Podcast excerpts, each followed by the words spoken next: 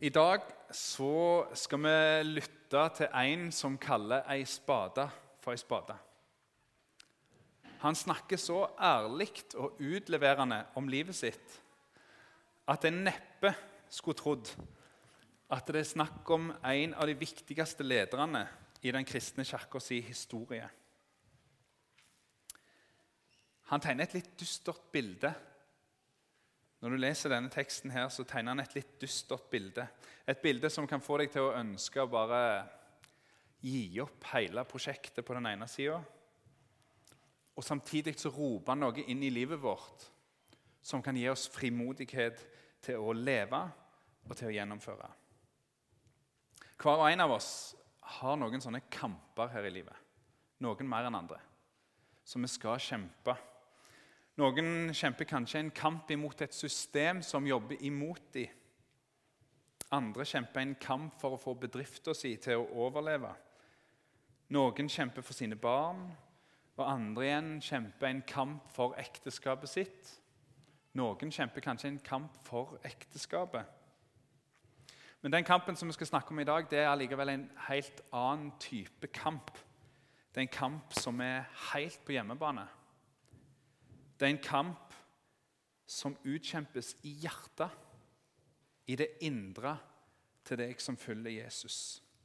Vi som sagt kom til Romerbrevet kapittel 7, og I dette kapittelet så dukker Paulus inn i sjelslivet til en kristen.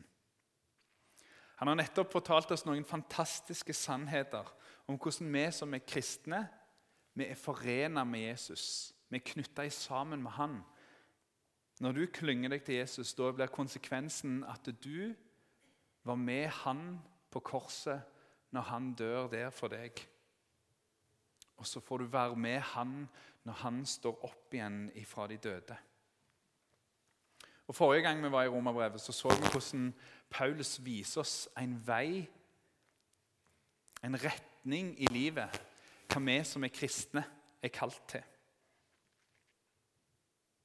Og I en kort parentes i det kapitlet så nevner han bare så vidt Han introduserer hovedtemaet i dag. At vi som er kristne, vi står ikke unna loven lenger. Og I dag så maler han ut hva det betyr, og hvorfor det er avgjørende for oss at vi ikke står unna loven. I dag så skal vi først få høre teksten. Så skal vi ta en kort parentes om ekteskapet. Så skal vi stoppe opp med hovedpåstanden og temaet til Paulus, at den som er kristen, er død for loven. Og For å forstå det så må vi se nærmere på hva er loven for noe. Og så må vi se på hva er mennesket for noe. Og til slutt så skal vi se at det bare er å gi opp. Det kan høres litt pessimistisk ut, men jeg tror dere følger meg til slutt.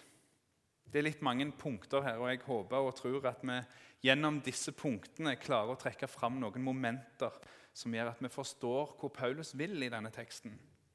For dette er en av de mer krevende tekstene Guds apostel har skrevet.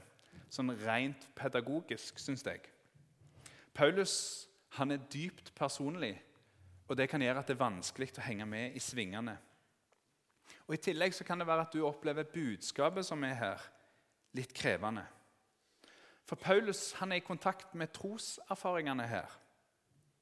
Og så er det sånn at troserfaringene, sånn de er for oss Den troserfaringen som er sterkest, det er den du opplever akkurat nå. Den plassen du er i troslivet akkurat nå, det er den som er tydeligst for deg. Jeg tror vi har litt dårlig hukommelse når det kommer til troserfaringene våre. Og Derfor kan det være at du opplever at i dag at Paulus han taler rett inn i din situasjon. Nå setter du ord på det som jeg kjenner på. Og Kanskje husker du denne kampen fra tidligere. Ja, åh, Det var så kaos. Jeg husker det. Og Kanskje dette er en kamp som ligger foran deg, hvor du skal få noe som gjør deg rusta til den kampen. Det som Paulus sier, det er sant. Og til sist så viser det oss noe om hvor frigjørende det er, det som Jesus har gjort for oss.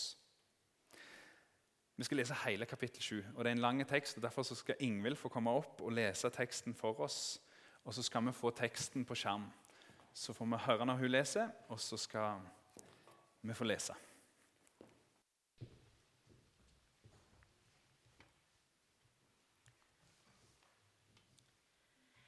Eller veit det ikke mine syskjen, for jeg taler da til folk som kjenner lova, at lova rår over et menneske bare så lenge det lever.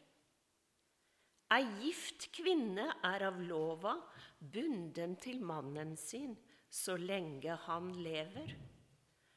Men døyr mannen, er hun løyst fra den lova som batt henne til mannen.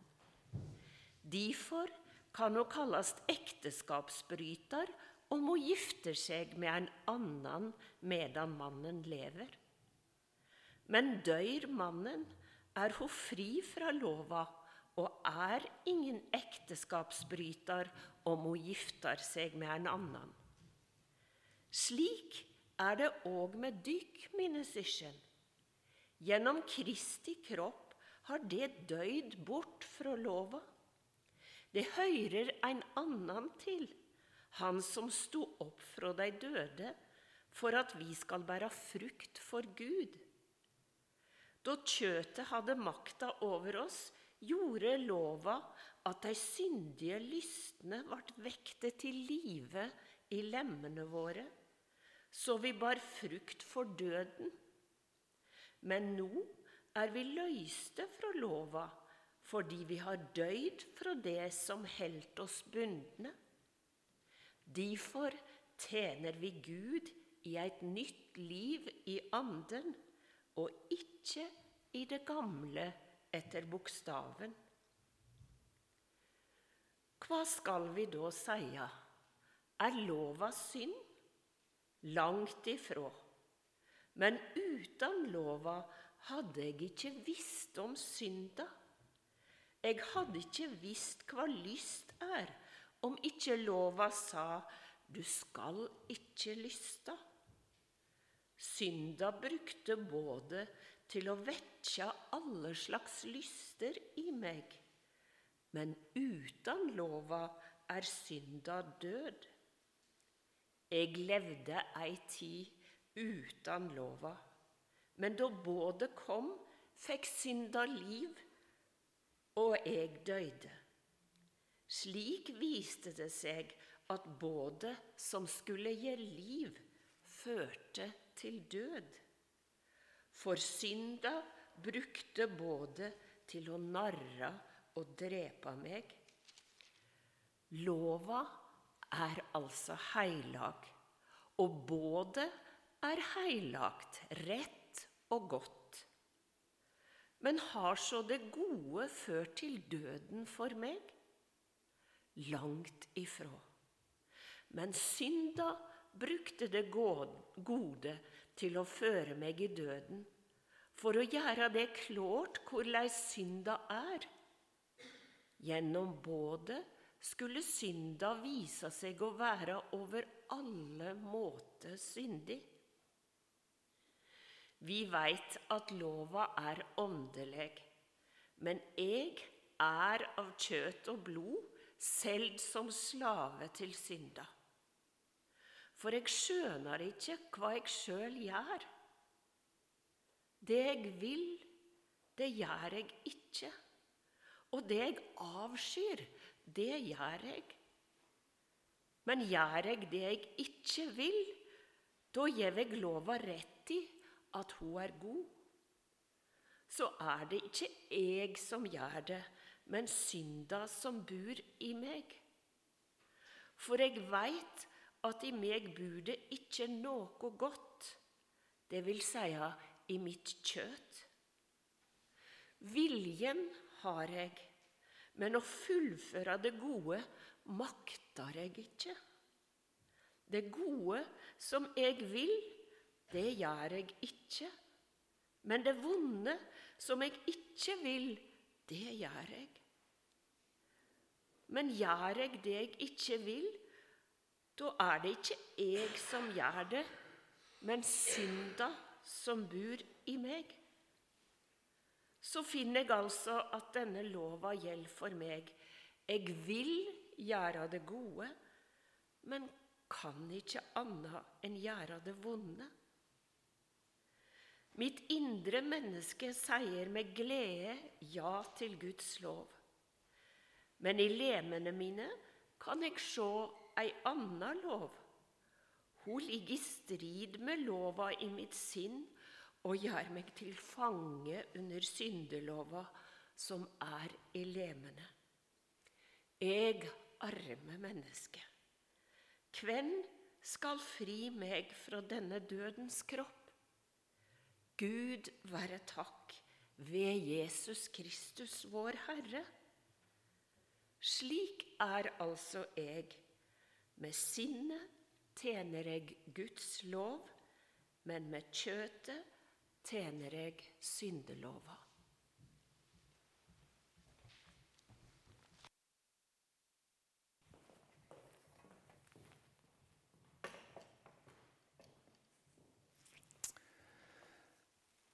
Kjære Far i himmelen, vi ber om at du må eh, hjelpe oss å sortere i tanken. Fordi du viser oss at det er viktig. Vi ber om at Din Hellige Ånd må vise oss noe, sånn at vi kan få leve et liv i tjeneste for deg med fred og hvile. I Jesu navn. Amen. Eller veit ikke mine søsken for jeg taler da til folk som kjenner lova, at lova rår bare over et menneske så lenge det lever. Loven hersker over et menneske bare så lenge det lever, sier Paulus. Og Det sier han rett etter at vi i kapittel 6 har fått vite at vi er døde med Kristus. Og det har alt å si. Jeg skal gå litt nærmere inn i hva han sikter det der, men først La oss ta en kort parentes for å si noe om ekteskapet når vi først møter på temaet i en tekst. Når Paulus her trekker fram ekteskapet, så legger han til grunn en bibelsk forståelse av hva det er å være gift. Og det trenger du som er gift, å vite. Du trenger å kjenne til den. Og det trenger du som en gang vil gifte deg, å vite. Ekteskapet, sånn som Bibelen legger det fram, det er en livslang relasjon. Det er en pakt. Det er en avtale mellom en mann og en kvinne som binder disse til å leve i lag og være tro og trofast mot hverandre til døden skiller en. Ekteskapet det er Guds gode vilje for oss. Det er de rammene Han har gitt oss når vi vil leve i lag, sånn at vi skal få det best mulig i lag. Men, men for at vi skal få hente ut potensialet i ekteskapet, så må vi gå inn i det på hans premisser. Gud han hadde tenkt at du som er ektemann, og du som er hustru, skulle være klar over det. Han ville at blikket ditt, sånn som på bildet her, skulle være retta imot ektefellen din.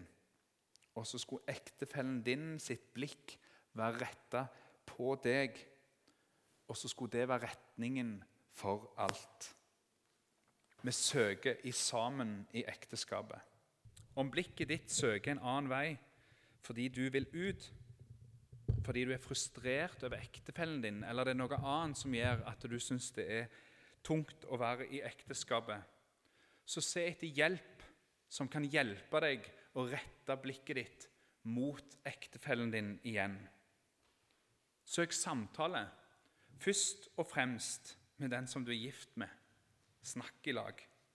Men om du ønsker andre å snakke med om det som er krevende i ekteskapet, så ønsker vi i ØVM å være til hjelp for de som syns at ekteskapet er tungt og krevende. Eller for de som bare ønsker at ekteskapet skal bli bedre. Det finnes hjelp. Og så til deg som søker en ektefelle. Se etter en ektefelle som legger dette til grunn for ekteskapet. Noen som legger det til grunn at dette er en livslang pakt. Sånn at når det stormer, for det kommer det til å gjøre, når det raser, så søker en i lag i stormen, og ikke fra hverandre. Gud han kaller oss til å ha en sjøloppofrende relasjon i ekteskapet. Og Det kallet kan en få hjelp til å leve ut Ta kontakt om du ønsker hjelp til det, eller om du ønsker å høre mer om hva ekteskapet er for noe. Og så må jeg si en ting. Vi har hatt lyst i ØVM å arrangere syv kvelder om være to, et ekteskapskurs. Eh, hvis det er noe du tenker ja, det kunne jeg tenkt meg å vært med og arrangert, og hjelpe par til å få det bedre i lag, så ta kontakt med meg. Eh, gjør det. Parentes slutt. Og så blir det ikke en lengre parentes om det, selv om vi kunne sagt masse om ekteskapet. Fordi det er ikke ekteskapet i seg sjøl som er Paulus sitt poeng her. Paulus sitt poeng det er at du som er kristen, du er ikke gift med lova lenger. Du er gift med Jesus. Det er en fryktelig rar påstand på veldig mange nivåer, men allikevel så er han full av mening. I utgangspunktet så er det sånn at alle mennesker står i en gjensidig forpliktelse til loven, som en pakt, som en avtale. Du skal følge loven, og den skal verne deg. Men nå, når du tror på Jesus, da er du død for loven. Alle de bud, alle de krav som Gud møter deg med i loven, det er det stopp på nå. Dette kommer egentlig ikke som ei bombe her i kapittel 7, for Paulus har allerede sagt en del om loven, og alt peker i denne retningen. Og Hvis du syns det er vanskelig å få tak på hva loven er, så får du bedre og bedre tak på det etter hvert nå. Paulus har allerede sagt at loven det er Guds standard som alle mennesker skal dømmes etter. Det er ingen som har den rettferdigheten som loven krever. Det er ingen som kan skrines av loven, og så kommer du ut på andre sida og sier loven 'Yes, check, du besto dette her'. Nei, alle mennesker står skyldige innenfor Gud av våre lovbrudd. Vi har pådratt oss skyld, og derfor skal vi dømmes av Gud på den siste dag, og så må vi bære den straffa som våre brudd krever. I Romerbrevet i kapittel 3, vers 20-23, så leser vi ikke noe menneske blir rettferdig for Gud av gjerninger som lova krever. Lova gjør bare at vi kjenner synda, lærer synda å kjenne. Men nå er Guds rettferd, som lova og profetene vitner om, åpenbæra utenom lova. Og det er den rettferdigheten som vi blir gitt i Jesus Kristus. I tro på Jesus så blir vi rettferdiggjort. Vi mottar nåde og Jesu rettferdighet. Vi blir rene, helt rene, skyldfrie sånn at vi ikke skal dømmes på den siste dag. Og Så kommer vi til kapittel 7 og så tenker vi ja, men eh, Paulus, du har jo vært innom dette her. Du har jo sagt noe om dette. Har du ikke fått fram dette poenget tidligere? Hvorfor kverner han videre på det nå? Jo, fordi Paulus ønsker å si at dette er noe som ikke bare handler om den siste dag, den dagen du skal stå framfor dommen. Det handler om i dag. Der du er nå, i ditt liv, her og nå, så har det noe å si at du er fri fra loven. I din helliggjørelse så har ikke loven noen krav til deg. Paulus vil vise deg at om du prøver å følge loven sin vei, så knekker han deg til slutt. Og så vil han lede deg vekk fra den veien der, og så vil han forklare deg. Loven har ingenting å kreve av deg lenger. Du døde sammen med Kristus. Og så er det ingen som kan komme til en død manns grav og stille noen krav. Det går ikke an. Du er død. Ferdig snakka. Og For å forstå hvorfor dette er så viktig, så må vi forstå hva loven er, og hvem mennesket er. Loven den er altså alt det som Gud krever og vil. Du skal ikke stjele. Du skal elske nesten inn som deg sjøl. Det du vil at andre skal gjøre mot deg, det skal du gjøre mot deg. Du skal ikke bryte ekteskapet. Du skal ikke ha andre guder enn Gud. Ikke drep, ikke lyg, ikke misunn. Ikke ha lyst på noen som er gift med noen andre. Hvil på hviledagen og hold han hellig. Ikke misbruk Gud sitt navn. Ha respekt for foreldrene dine. Det er jo gode, sanne og flotte ting. Hvis du leser de ti bud eller leser Guds vilje, så ser du bare for deg at naboene dine, medstudentene dine, kollegaene dine, de som er i barnehagen i lag med ungene dine, følger Guds bud til punkt og prikke. Det er jo helt nydelig. Tenk hvor godt vi hadde hatt det da hvis vi bare levde sånn fullt og helt. Åh, hvor godt det hadde vært sendt Jakob i barnehagen. Ja, men Er det noe å være fri fra, da? Er ikke det noe vi burde lengte etter å stå under? Jo, hvis det var sånn at vi kunne høre loven, så gjorde vi sånn som loven sa. Vi hørte det, og så handla vi etter det. Men Paulus prøver å få fram at dette det får ikke vi til. Det er ikke sånn vi er skrudd sammen. Gud sine gode bud, når de møter meg som lov, som et krav til hva jeg skal gjøre, så vekker det en vilje i meg som vil det motsatte. La meg prøve å illustrere det med et litt enkelt bilde. Ikke tenk på en gul elefant. På samme måte som hjernen din er skrudd sammen, at han evner å sette i sammen to ting som egentlig ikke hører i lag, gul og elefant. Bare du hører en assosiasjon, og så er det først etterpå at du kommer på Jeg skulle jo ikke tenke på en gul elefant. Og så gjorde du det igjen. Sånn er vi mennesker skrudd sammen. Selv om lova er god, så er vi mennesker sånn at når vi hører loven som et krav til oss, så våkner synda til live i oss. Det bor noe så mørkt i mennesket. Og Hvis du betviler det, så skal du si Kveldsnytt. Det bor noe så mørkt i oss og dette mørket kan til og med bruke det gode, det som er godt som Gud vil, til det vonde. Synda brukte både til å vekke alle slags lyster i meg. Men uten lova er synda død. Men er ikke lova god, da? Jo, men synda i oss brukte det gode til å føre meg i døden for å gjøre det klart hvordan synda er, gjennom både skulle synda vise seg å være over all måte syndig. Om du velger å gå inn i en nevekamp, mann mot mann, og bruke loven for å få deg på rett kjøl, og prøve å oppfylle loven, da kommer du til å oppdage hvor veik viljen din er. Hvor svak du er i kampen noen kan kanskje få en assosiasjon til når du har godtestopp, hvor krevende det er.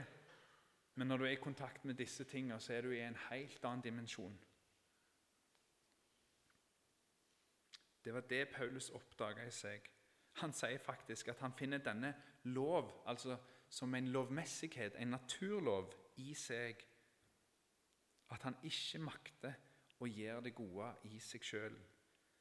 Jeg vil gjøre det gode men jeg kan ikke annet enn å gjøre det vonde. Paulus han vet hva det gode er. Det som er sant og godt og rett. Han har sett hvor fantastisk Guds vilje er for ham. Og når han da erfarer sin egen uvilje, det at han faktisk ikke bare handler etter det som er godt, da forklarer det for han at han faktisk ikke er god.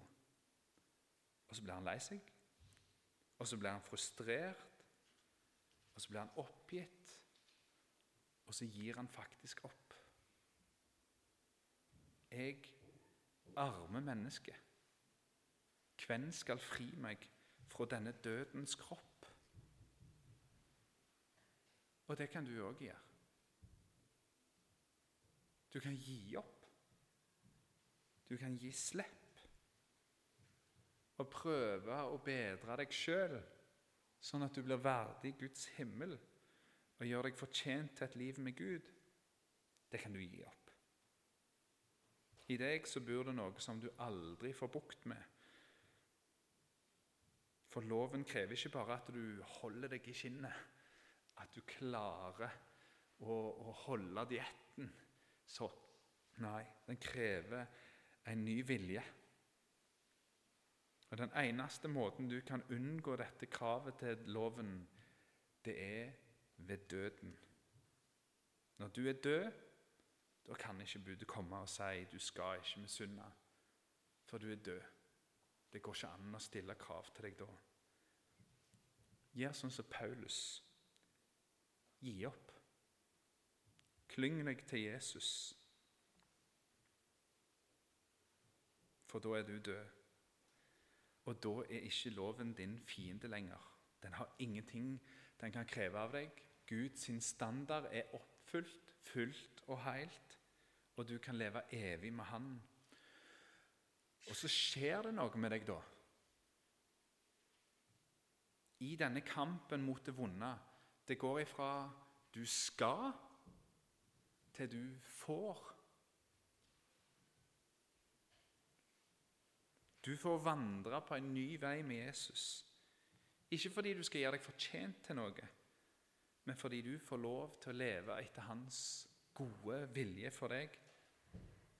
Og Når du da på din vandring opplever og merker dette som bor i deg, så kommer det ikke som noe sjokk på deg. Det blir ikke noe som du må prøve å skjule og late som ikke eksisterer. Du trenger ikke bruke all din kraft på å fornekte det som du merker bor inni deg, men du kan erkjenne det. Ser du det, Jesus? Jeg visste hva som var det gode, men jeg gjorde det ikke. Tilgi meg. Takk for at du tok dette med på korset for meg. Takk for at jeg døde i lag med deg der, Jesus. Gi meg kraft og styrke til å søke din gode vilje, ikke fordi jeg må, men fordi jeg kan, fordi det er godt. Fordi kravet til mitt hellige liv, det er oppfylt i deg alene. Så kan du søke Hans gode vilje for livet ditt. Paulus vil vise oss at dette er en helt annen måte å leve livet ditt på. Dette er en helt annen kamp. Og så hender det at vi roter oss bort, og så ender vi opp med å tenke at jeg er nødt til å gjøre sånn, sånn at Gud kan godta meg. Sånn at jeg, jeg kan være en kristen. Da har vi Romerbrevet 7 som du skal lese igjen. Og så kan du finne gleden i det og tjene fordi du er frelst, ufortjent av nåde. Så ligger det frihet der. Det ligger nåde. Det ligger hvile og fred. Og så vil Paulus vise oss at det ligger en vei til et nytt liv i lag med Jesus. Og da kommer lovprisningen, som vi skal begynne med neste gang og avslutte med nå, crescendoet i romerbrevet så fins det nå ingen fordømming for de som er i Kristus Jesus. Og det maler Paulus ut videre. Skal vi be?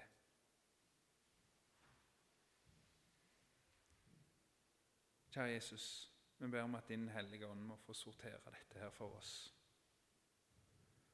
sånn at vi får hvile og frimodighet og kraft og styrke. Takker deg, Jesus, for at når du døde på korset, så tok du oss med deg, alle vi som tror på deg. Sånn at vi er helt frelst, fullstendig, utelukkende på grunn av det som du har gjort. Den nyheten ber jeg Jesus om at du må gi oss og få dele videre. I Jesu navn. Amen.